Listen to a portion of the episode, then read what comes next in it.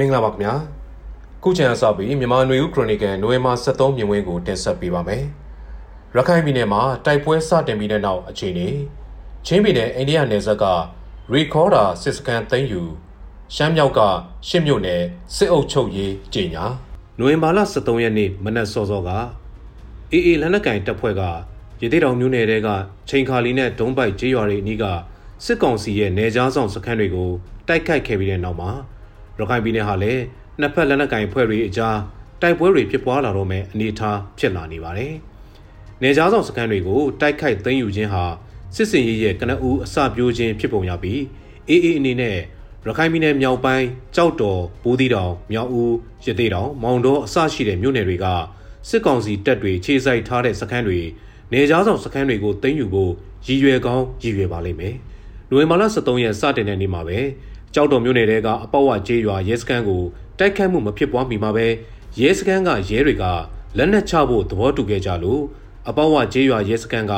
အေအေရဲ့ထိန်းချုပ်မှုအောက်ကိုရောက်ရှိသွားပြီဖြစ်ပါတယ်။စစ်ကောင်စီဘက်ကတော့အေအေအနေနဲ့ရခိုင်ပြည်နယ်ထဲမှာတိုက်ပွဲတွေဖော်ဆောင်နိုင်တယ်ဆိုတာမျှော်လင့်ထားပြီးဖြစ်မှာသိကြပါတယ်။သို့ပေမဲ့ရှမ်းမြောက်ကရင်ပြည်ဒေသစကိုင်းတိုင်းထပ်ပိုင်းချင်းပြည်နယ်နဲ့ကရင်ပြည်နယ်ဒေသအချို့တို့မှာ လက်ရှိတပြိုင်နက်တည်းတိုက်ပွဲတွေဖြစ်ပွားနေတာကြောင့်စစ်ကောင်စီအနေနဲ့လေကြောင်းပစ်ကူကလွဲရင်မြေပြင်မှာအလုံးရင်းနဲ့တပ်တွေရွှေ့ပြောင်းကူညီဖို့အခြေအနေမျိုးမရှိဘူးလို့ယူဆရပါတယ်။မြန်မာနိုင်ငံမြောက်ပိုင်းအရှေ့မြောက်ပိုင်းအရှေ့တောင်နဲ့အနောက်ပိုင်းတို့မှာစစ်မျက်နှာတွေဖွင့်ထားရတဲ့နေထားမျိုးကြုံတွေ့နေရတာကြောင့်စစ်ကောင်စီအနေနဲ့အရင်အခြေအနေတွေလိုမြေပြင်တက်အင်အားနဲ့ဖိပြီးပြန်တုံ့ပြန်တိုက်ခိုက်နိုင်တဲ့အနေအထားမျိုးမဟုတ်တာကိုလည်းတွေ့ရမှာဖြစ်ပါတယ်။ဒါပြင် ရဲစခန်းတွေနဲ့စစ်တပ်ဘက်ကလက်နက်ကိုင်းတပ်သားအရာရှိအချို့အနေနဲ့ခုခံတိုက်ခိုက်ပြီးအသက်ဆုံးရှုံးရမယ့်အစားတိုင်းရင်းသားလက်နက်ကိုင်တပ်တွေ PDF တွေတိုက်ခိုက်လာချိန်မှာလက်နက်ချလိုက်ကြတဲ့ဖြစ်ပျက်တွေဟာလည်းအခုရက်ပိုင်းမှာခက်စိတ်စိတ်ကြားလာနေရတာဖြစ်ပါတယ်။စစ်ကောင်စီတပ်တွေအနေနဲ့ဒီလောက်ထိစစ်တိုက်ဖို့စိတ်တက်တက်ကြွမှုရှိမနေကြတော့တဲ့အနေအထားလို့ယူဆမယ်ဆိုရင်ယူဆလို့ရပါတယ်။ သို့တော့အားလုံးအဲ့ဒီလိုဖြစ်လိမ့်မယ်လို့တော့ရေပုံရဆန်ဆန်ကောက်ချက်ချလို့မရသေးဘူးဆိုတာလဲသတိပြုသင့်ပါတယ်။စီရေးအတွေ့အကြုံရှိတဲ့လက်နက်ကိုင်အဖွဲ့ဝင်တွေဖို့နောက်ကစစ်ကူတပ်တွေမလာနိုင်တဲ့အနေအထားကဘယ်လောက်ခုခံတိုက်ခိုက်မအောင်နိုင်ဘူးဆိုတာကိုခံမှန်းသိရှိနိုင်လို့အသက်မဆုံးရှုံးအောင်လက်နက်ချတာမျိုးဖြစ်ကောင်းဖြစ်ပါလိမ့်မယ်။နိုဝင်ဘာလ17ရက်နေ့မှာထုတ်ပြန်လိုက်တဲ့ကိုကန်ဒေတာကုန်းလုံးမျိုးအနီး viewer scan ကိုတိုက်ခိုက်သိမ်းယူနိုင်တဲ့သတင်းကစစ်ကောင်စီတပ်တွေအတွက် စစ်ရေးအရာစိတ်သက်ရေးအရာအထိနာစေတဲ့သတင်းတစ်ပုဒ်ဖြစ်ပါလိမ့်မယ်။မြေပြင်ပြည့်ဟော်ဝဇာတွေအတွဲလိုက်ပစ်တဲ့ဒုံးကျည်တင်ကားတွေတန်ကြက်ကားကားတွေကိုမြောက်ပိုင်းညီနောင်သုံးဘွဲ့လက်နက်ကိုင်အဖွဲ့ကသိမ်းယူရရှိလိုက်တဲ့အကြောင်းသတင်းတွေမှာဓာတ်ပုံတွေနဲ့ဖော်ပြထားပြီးစစ်ကောင်စီဘက်ကတော့ဒီဖြစ်ရပ်နဲ့ပတ်သက်လို့ဓာတ်ရိုက်ညှင်းဆိုနိုင်ခြင်းမရှိဘဲစစ်ဗျူဟာအရဟထားပေးတာတွေရှိတယ်ဆိုတဲ့စင်ကြေပေးသလိုအဲ့ဒီလိုဟထားပေးတဲ့နေရာတွေမှာကိုကန်တက်တွေက ခိုးကြောင်ခိုးဝက်ဓာတ်ပုံရိုက်ပြီးတင်နေတာလို့ဆိုပါတယ်ရှမ်းပြည်နယ်ရှင်းမြောက်ဒေသကိုဆက်သွယ်ထားရှိတဲ့လမ်းကြောင်းတစ်လျှောက်မြောက်ပိုင်းလက်နက်ကိုင်အဖွဲ့တွေကတရားတွေနဲ့ဖျက်ဆီးထားသလိုလန်ခီမှာလည်းကြားပြက်တိုက်ခိုက်ခံရနိုင်ခြေရှိတာကြောင့်စစ်ကောင်စီတပ်တွေအနေနဲ့မန္တလေးဘက်ကနေတက်ကူပို့ဖို့မလွယ်သလိုလာရှိုမှာအခြေစိုက်ထားတဲ့အရှိမြောက်တိုင်းစစ်တနာချုပ်ကလည်းစစ်ကူပို့ဖို့မလွယ်ကူတဲ့အနေအထားမျိုးလို့ယူဆရပါတယ်။ရှမ်းမြောက်ကရင်နီဒေသ ရခိုင်မှာစစ်စင်ရေးတွေကျင်းညာပြီးတိုက်ခိုက်နေကြစဉ်မှာပဲချင်းပြည်နယ်မြောက်ပိုင်းရီကော်ဒါမြို့အနီးက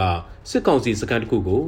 ဒီနေ့မနက်ပိုင်းကစတင်တိုက်ခိုက်ပြီးနိုင်အတန်းကြာမှာတော့သိမ်းယူလိုက်ကြောင်း CNF ဘက်ကသတင်းမီဒီယာတွေကိုထုတ်ဖော်ပြောဆိုလိုက်ပါတယ်။ချင်းပြည်နယ်မြောက်ပိုင်းအိန္ဒိယနိုင်ငံနယ်စပ်နဲ့ထိစပ်နေတဲ့ရီကော်ဒါမြို့ကစစ်စခန်းကိုသိမ်းပိုက်ချိန်မှာ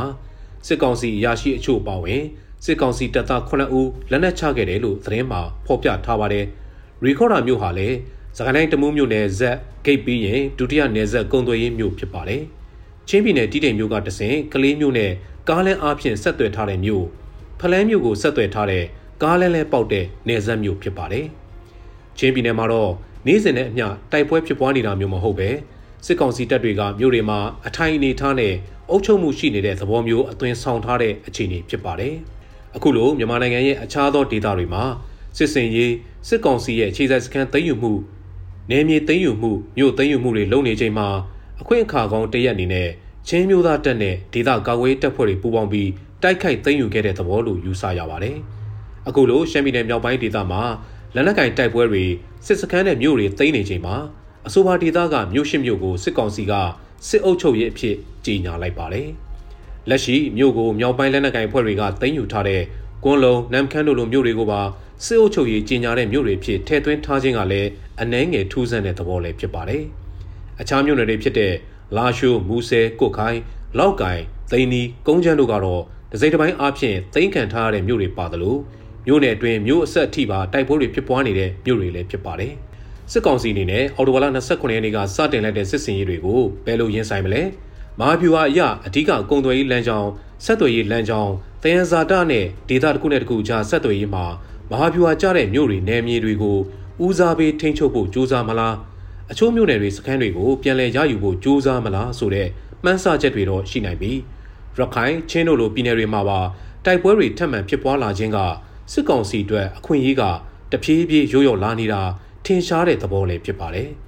စစ်ရေးမှာအနှင်းရောက်နေလို့အခြားနိုင်ငံရေးတွေကိုစဉ်းစားပြန်တော့လဲအခုချိန်မှာစစ်ကောင်စီဘက်ကထိတ်တိုက်ရင်ဆိုင်ခြင်းကလွဲပြီးအလျှော့ပေးခြင်းစိစက်ခြင်းနဲ့ အ ਨੇ ဆုံးအာဆီယံရဲ့မြန်မာလမ်းပြမြေပုံ၅ချက်စီလှည့်ကြည့်မလားဆိုတာတွေကိုအရေးအယောင်မပြသေးပါဘူးခင်ဗျာ။